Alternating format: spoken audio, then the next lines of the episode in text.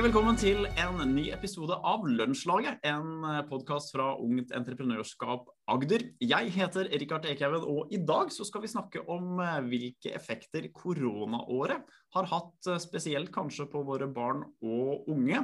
Og med oss til å snakke om det, så er jeg så heldig da, å ha fått både Rahim Hansson og Ulrik Gali Johansson fra Kristiansand katedralskole i Gimle.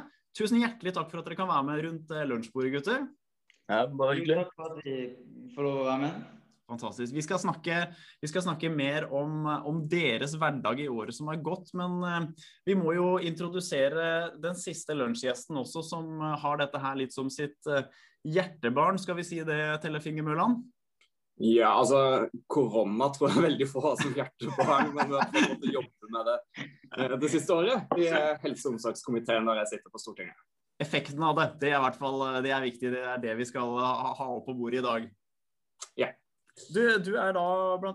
ansvar for, eller har ansvar for det som går på psykisk helse i Arbeiderpartiet. Du er andre representant for Aust-Agder på Stortinget. og vi skal snakke mye om, om, hvordan det politiske er oppi dette her, men før vi gjør det, så er jeg litt opptatt av dette med å få barn og unge til å senke litt skuldrene hva gjelder valg når det gjelder studie eller det gjelder linje på videregående osv. Fordi at eh, mange har kanskje den oppfattelsen av at man låser seg litt. Man er redd for å ta noen feil valg nå som kan ha store konsekvenser for resten av livet. Og så er jeg litt opptatt av å få folk til å slappe av og se at det er mange dører som er åpne på veien uansett. Og der tenker jeg du som et eksempel, Tellef, som har mastergrad i politikk og ledelse her fra Universitetet i Agder. Men så har du jobba som lokalbanksjef i Sparebanken Sør, og du har vært lærer, og nå er du plutselig på plass på Stortinget. Fortell litt om hvilke dører som har åpna seg på veien, og hvordan du har utnytta det. Altså, av og til så tror jeg ting blir litt sånn tilfeldig. Ja. Altså, det, det, det, å jobbe på Stortinget i uh, den uh, jobben jeg uh, nå er i, det er jo ikke akkurat noe du kan søke på. Da jeg søkte som lokalbanksjef, så var jeg egentlig utdanna lærer. Og så var det på kanskje en en litt liten plass, og så hadde jeg jobba som sommervikar. og så, ja, så, fikk jeg den tilliten og den muligheten. og Ofte så går det bra, uh, selv om man kanskje er litt usikker sjøl. Så man, det er mange, mange, veier som fører til rom, kan vi, kan vi konkludere med det? Ja, og så tror jeg kanskje noe av det viktigste er bare at du har en litt sånn fancy ord kanskje, men sånn endringskompetanse. da, altså At man har lyst til å lære nye ting, og mm. at man tør å hive seg utpå det. og så finner man ut at ja, men det jeg kunne fra før, det kan jeg bruke på en litt annen måte. og Så er det kanskje ålreit for, for, den bedriften du skal inn i òg, om du har en litt annen type, type bakgrunn. Og så mm. er det jo muligheter for å, å, velge på nytt på en utdannelse, eller ta en annen utdannelse på toppen av en du har fra før, hvis det skulle være nødvendig. Og Det er jo mange som gjør det etter hvert. og Jeg gikk eh, på ungdomsskolen sammen med veldig mange som valgte en eller annen form for yrkesfaglig studieretning. Så gikk de den uh, fullt ut, men valgte å ta påbygg. Og da kunne de gå på universitet og høyskole hvis de ville det. Men jeg har også opplevd folk som gikk på studiespesialiserende som fant ut at det ikke var noe for seg, og som ble utdanna til elektriker etterpå. Så det er, sånn, du er ikke tapt om du skulle ha valgt uh, feil i det hele tatt. Og hvis du fullfører de løpene du har begynt på, så har du sannsynligvis med deg en spennende uh, kompetanse som en uh, arbeidsgiver kan bruke senere, uansett om du må ta litt ekstra utdanning. Veldig bra. Rahim og Ulrik, hva, dere, altså bedrift var jo litt stikkordet som, som Tellef var innom her. Dere driver jo ungdomsbedrift eh, begge to. Det, har dere gjort opp noen tanker om hva dere skal gjøre etter dere er ferdig på KKG? Nei, det er jo det eventuelt å ta den bedriften som vi nå har starta opp eh, videre, om det er mulig. Ellers er det jo noe, tenker jeg meg, i samme retning som det jeg allerede nå driver med på skolen, det med bedriftsutvikling osv. Mm. Rahim, har du eh, planen klar? Ja, jeg har jo satt meg mål for i hvert fall skal jeg inn i Forsvaret. Mm. Uh, men der er jeg inne på samme tanke som Ulrik. Jeg skal gå den økonomiveien etter videregående, om du blir økonom eller noe innenfor eh, logistikk eller uh, den linja der, i hvert fall. Men uh, det er jo noe av det, det dere er inne på, er at du har ikke lukka dører selv om du har valgt økonomi på skolen nå. Så kan jeg fortsatt ta opp fysikk, og så er jeg plutselig åpen for ingeniør ja, og mange andre studier som krever det. da. Mm. Så om ti år, når du blir invitert tilbake igjen til podkasten Lunsjlaget, så sitter du egentlig der som lærer og snakker, ikke sant? ja, kanskje det. det vi, skal, vi, skal, videre til det som er hovedtemaet i, i dagens episode. og vi har jo i året som er gått uh, lest og hørt uh, utallige nyhetsartikler om hvordan uh, pandemien har påvirket barn og unge og elever. og Det meldes om økt pågang til barne- og ungdomspsykiatriske klinikker, en økning i barn og unge med spiseforstyrrelser, og organisasjonen Mental Helse melder om en enorm pågang på deres hjelpetelefoner. Så det er liksom litt det der mørke bakteppet, da. Men jeg må jo høre med dere som har stått midt oppi det, Ulrik. Hvordan har det siste året påvirka dere som elever? Nei, jeg tenker det er veldig individuelt fra person til person. da. Men eh, det er jo en vanesak det med at man skal sitte hjemme og ha en helt ny arbeidsplass i forhold til skole og det med det sosiale. da. Mm. Men uh, for meg så syns jeg egentlig det har gått ganske greit. Mm. Kan sove litt lenger om morgenen, og det er jo positivt. Rahim, eh, det har vært da tidvis rødt nivå i, i, videregående skole, som har betydd at dere har sittet noe hjemme, det har vært litt mindre gruppe på skolen osv. Hva har det hatt å si for motivasjonen din for eh, skolearbeidet? Det har betydd veldig mye. Den sosiale omgangen man mister når man ikke for å møte opp fysisk på skolen har vært helt avgjørende for i hvert fall for min del individuelt i forhold til motivasjon på skolen. Mm. Uh, men det er jo som Ulrik sier, det er veldig individuelt. Uh, og jeg mener jo at uh, det er viktig for elever som møtes på skolen fysisk for den sosiale omgangen. Det er jo en terapi du mister, så det er jo Ja. For min del så har i hvert fall motivasjonen vært litt dårligere enn det han vanligvis har vært. Mm. Tellef, hvordan har uh, du sjøl blitt påvirka av, uh, av, de tiltakene som har vært gjennomført det siste året? Nei, jeg tror de fleste merker at de har mindre kontakt med andre folk, sånn som de egentlig skal ha. At man savner litt uh, den sosiale omgangen med folk. Og så, for min egen del, hvis man har familiemedlemmer som man vet er i risikosone, mm. så blir man jo veldig sånn, forsiktig og redd for Eh, og besøke dem. Du gir ikke folk en klem som du ville gjort tidligere, den type ting. Nå er jo jeg kjempeheldig som i hvert fall fram til september har en jobb å gå til. Mhm. Men vi vet jo at det er mange som har mista jobben sin, og det er til og med studenter som har uh, vært litt avhengige av å ha en deltidsjobb, som har, har mista den deltidsjobben og fått det tøffere økonomisk. Så akkurat den delen har jeg sluppet, men jeg kjenner jo veldig på det at man er begrensa i hva man kan gjøre og ikke gjøre. Ikke kan man reise på noen ferieturer utenlands, eh, og man skal være forsiktig med å ha kontakt med mange. og særlig sånn For min del, som har pendla mellom Arendal og Oslo, så blir man jo litt bekymra når Oslo har hatt stor smitte, om man tar med seg noe tilbake igjen til, til Sørlandet. og Da unngår man kanskje å ta så mye kontakt med folk. Mm. Hvilke tilbakemeldinger har du fått fra f.eks. elever i videregående og studenter gjennom det, det siste året? En av de tingene er jo uh, psykisk helse, uh, som vi snakker litt om. Uh, der mange opplever det tungt, kanskje særlig studenter som har flytta til en ny by egentlig for første gang, ikke har noe nettverk der i utgangspunktet. Så er det det som går på økonomi for noen. Der har jo vi vært opptatt av at vi må ha noen støtteordninger for de studentene som har mista jobben sin. Og så har det siste vært ganske mye diskusjon rundt eksamen. da.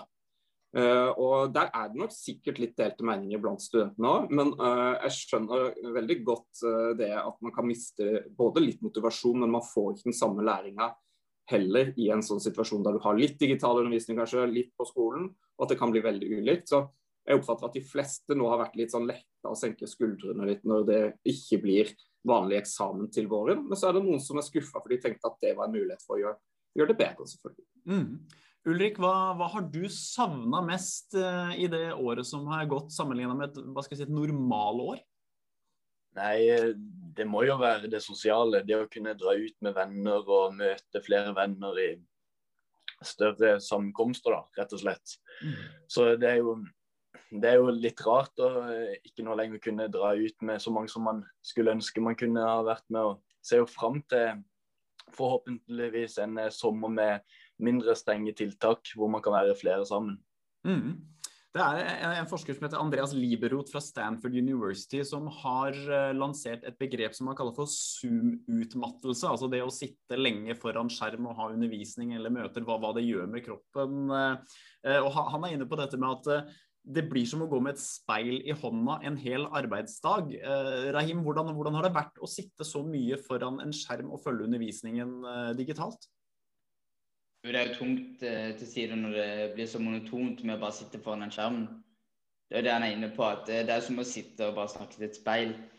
Eh, og Da kan jeg gjerne liksom gi litt kreds til lærerne. For det, jeg kan skjønne at det er veldig vanskelig for de å undervise, når, spesielt når det ikke er noe krav til at vi elever må ha på kamera. Da er det ofte bare Da underviser de jo bare til en svart skjerm. Mm. Så eh, det er mange lærere som ønsker at vi skal få fram kamera, og det har jeg 100% forståelse for. Eh, jeg skjønner òg 100% at mange elever ikke ønsker å vise seg fram eh, foran kamera heller når de er hjemme. og så, ja.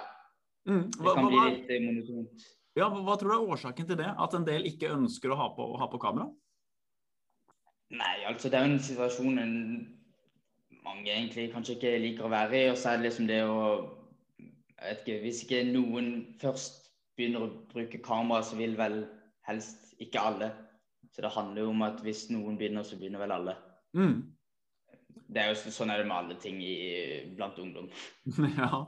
Eh, Tellef, du og Arbeiderpartiet sitter nå i, i, opposisjon. og Regjeringens uttalte mål har jo nå hele tida vært at hensynet til barn og unge det skal komme først. I hvilken grad syns du de har levd opp til det i det året som har gått?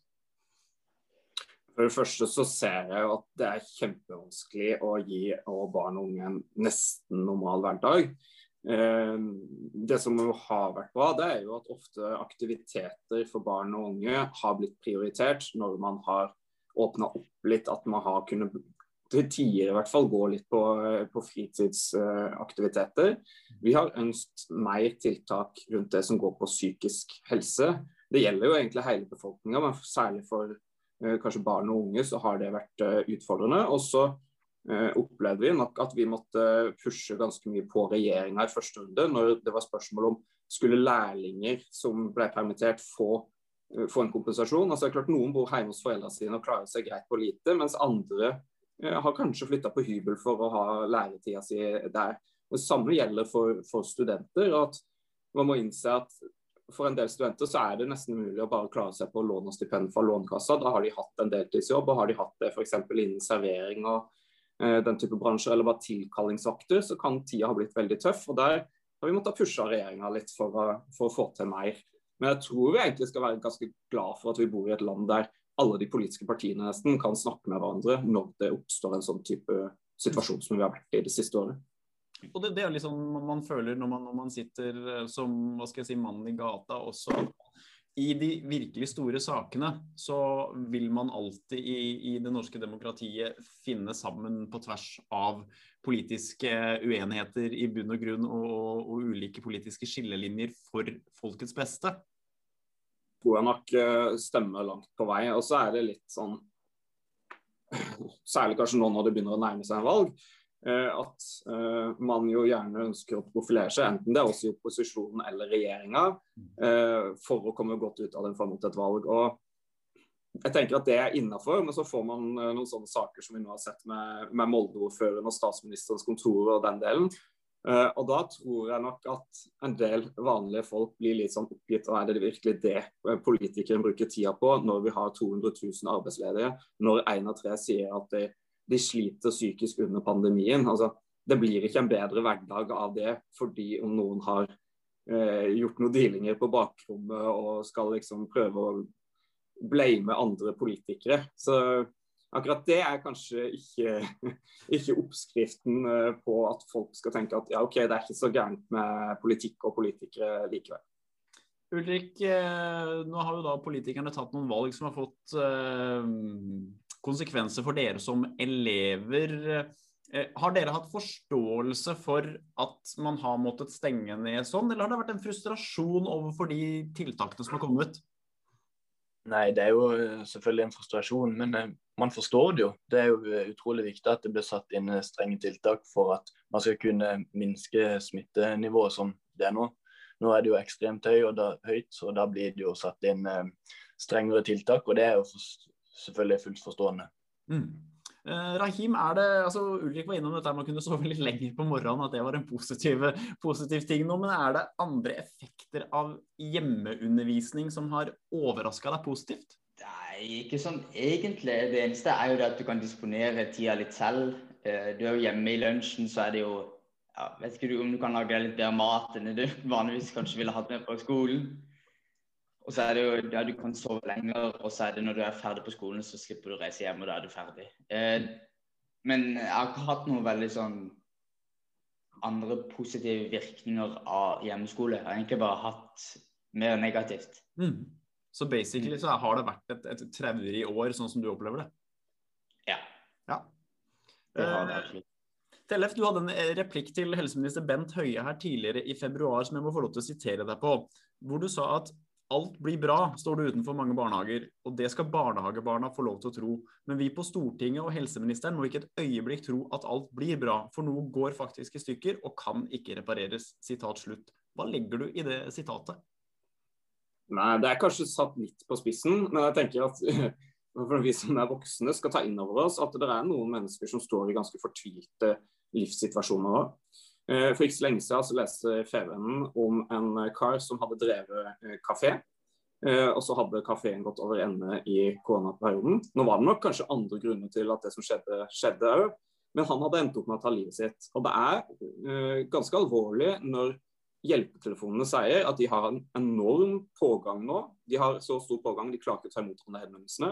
Og de sier at det er veldig mange alvorlige henvendelser som går på selvmordstanker og folk som ønsker å ta livet sitt. Eh, og det er klart at Hvis folk først har tatt livet sitt, så går ikke det an å gjøre om på. Eh, den andre delen det som jeg er litt bekymra for, det er at det er ikke alle som har like gode og sterke sosiale nettverk. I hvert fall i deler av landet så har man til tider blitt oppfordra til å ikke ha besøk av noen, eller at du bare får lov til å ha fem eh, gjester f.eks. i et selskap.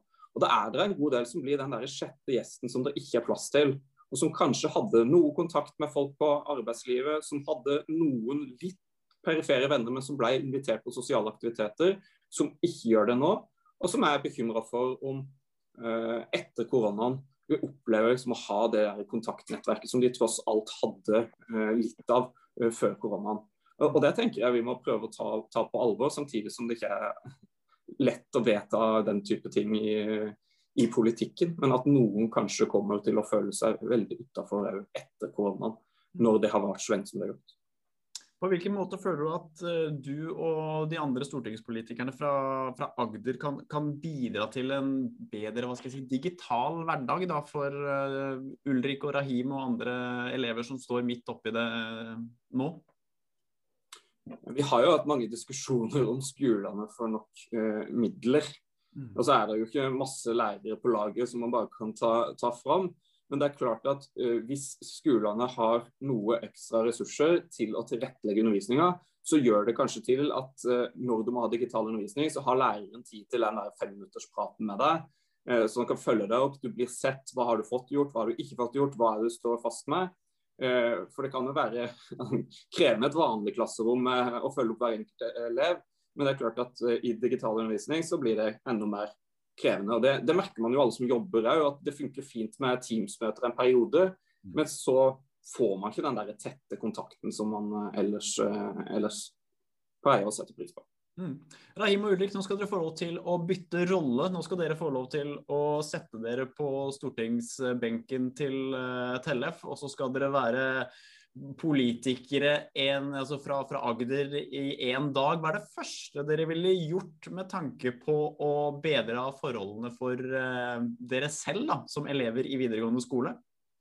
Nei, det, det er et vanskelig spørsmål. som er, det er jo ikke, Man vet jo ikke helt hva man kan gjøre og hva man kan, uh, ikke kan gjøre. Men uh, jeg vet ikke, kanskje tenkt på stengt ned hele Norge i kanskje to ukers tid for å se om det er en positiv virkning på å få ned smittetallet. Det er jo som sagt eh, store tiltak, men eh, hva vet jeg. Mm. Rahim, hva ville, hva ville, du gjort? Nei, Nå sitter ikke jeg på den kompetansen heller for resten av regjeringa gjør, så jeg, eh, jeg har jo ikke så mye å si. Men jeg, Jeg syns eh, det de har gjort, eh, er langt innafor. Jeg syns det er veldig greit. Det jeg syns er veldig bra, er at eh, de ikke har, i hvert fall for vår del på KKG, ikke har stengt ned 100% At vi er to dager på skolen. Mm. Det er eh, klart veldig avgjørende for den, i hvert fall den mengden sosial omgang vi får, i det minste. Mm. Så ja. Hva, hva er liksom det første dere nå skal gjøre når vi er tilbake til eh, normalen og kan ha sosial omgang som vi hadde tidligere og før koronaen? Ulrik, hva var det første du skal gjøre? Nei, det blir vel å um, møte flere venner og kompiser og Nei, det blir jo fort eh, kanskje en liten fest, da. ja, det blir det, ja. Rahim, hva skal du gjøre? Nei, jeg skal dra med meg hele guttegjengen i klassen opp eh, på hytta, så skal vi feste fra oss koronaen. Tellef, eh, perspektivet fra en som er noen år eldre, hva var det første du skal gjøre når, eh, når vi er tilbake til en sosial omgangsform vi kjenner fra før? Det er jo fristende å svare en liten fest. Eh, I tillegg til det så er jeg veldig glad i å kunne reise på litt utenlandsturer sammen med en vennegjeng. da. Så jeg håper at eh, det òg blir mulig om ikke altfor lang tid. Hvis dere har innspill eller temaer dere ønsker å ha tatt opp i lunsjlaget, så blir vi veldig glad hvis dere sender oss en mail til agder.ue.no. Husk at du også da, kan kontakte oss på Instagram, Facebook eller LinkedIn hvis det er ting du ønsker at vi skal sette på dagsorden. Jeg må bare rett og slett si tusen hjertelig takk til både Tellef, Rahim og Ulrik for at dere tok dere tid til en veldig hyggelig lunsjprat. Takk skal du ha. Takk skal meg ha.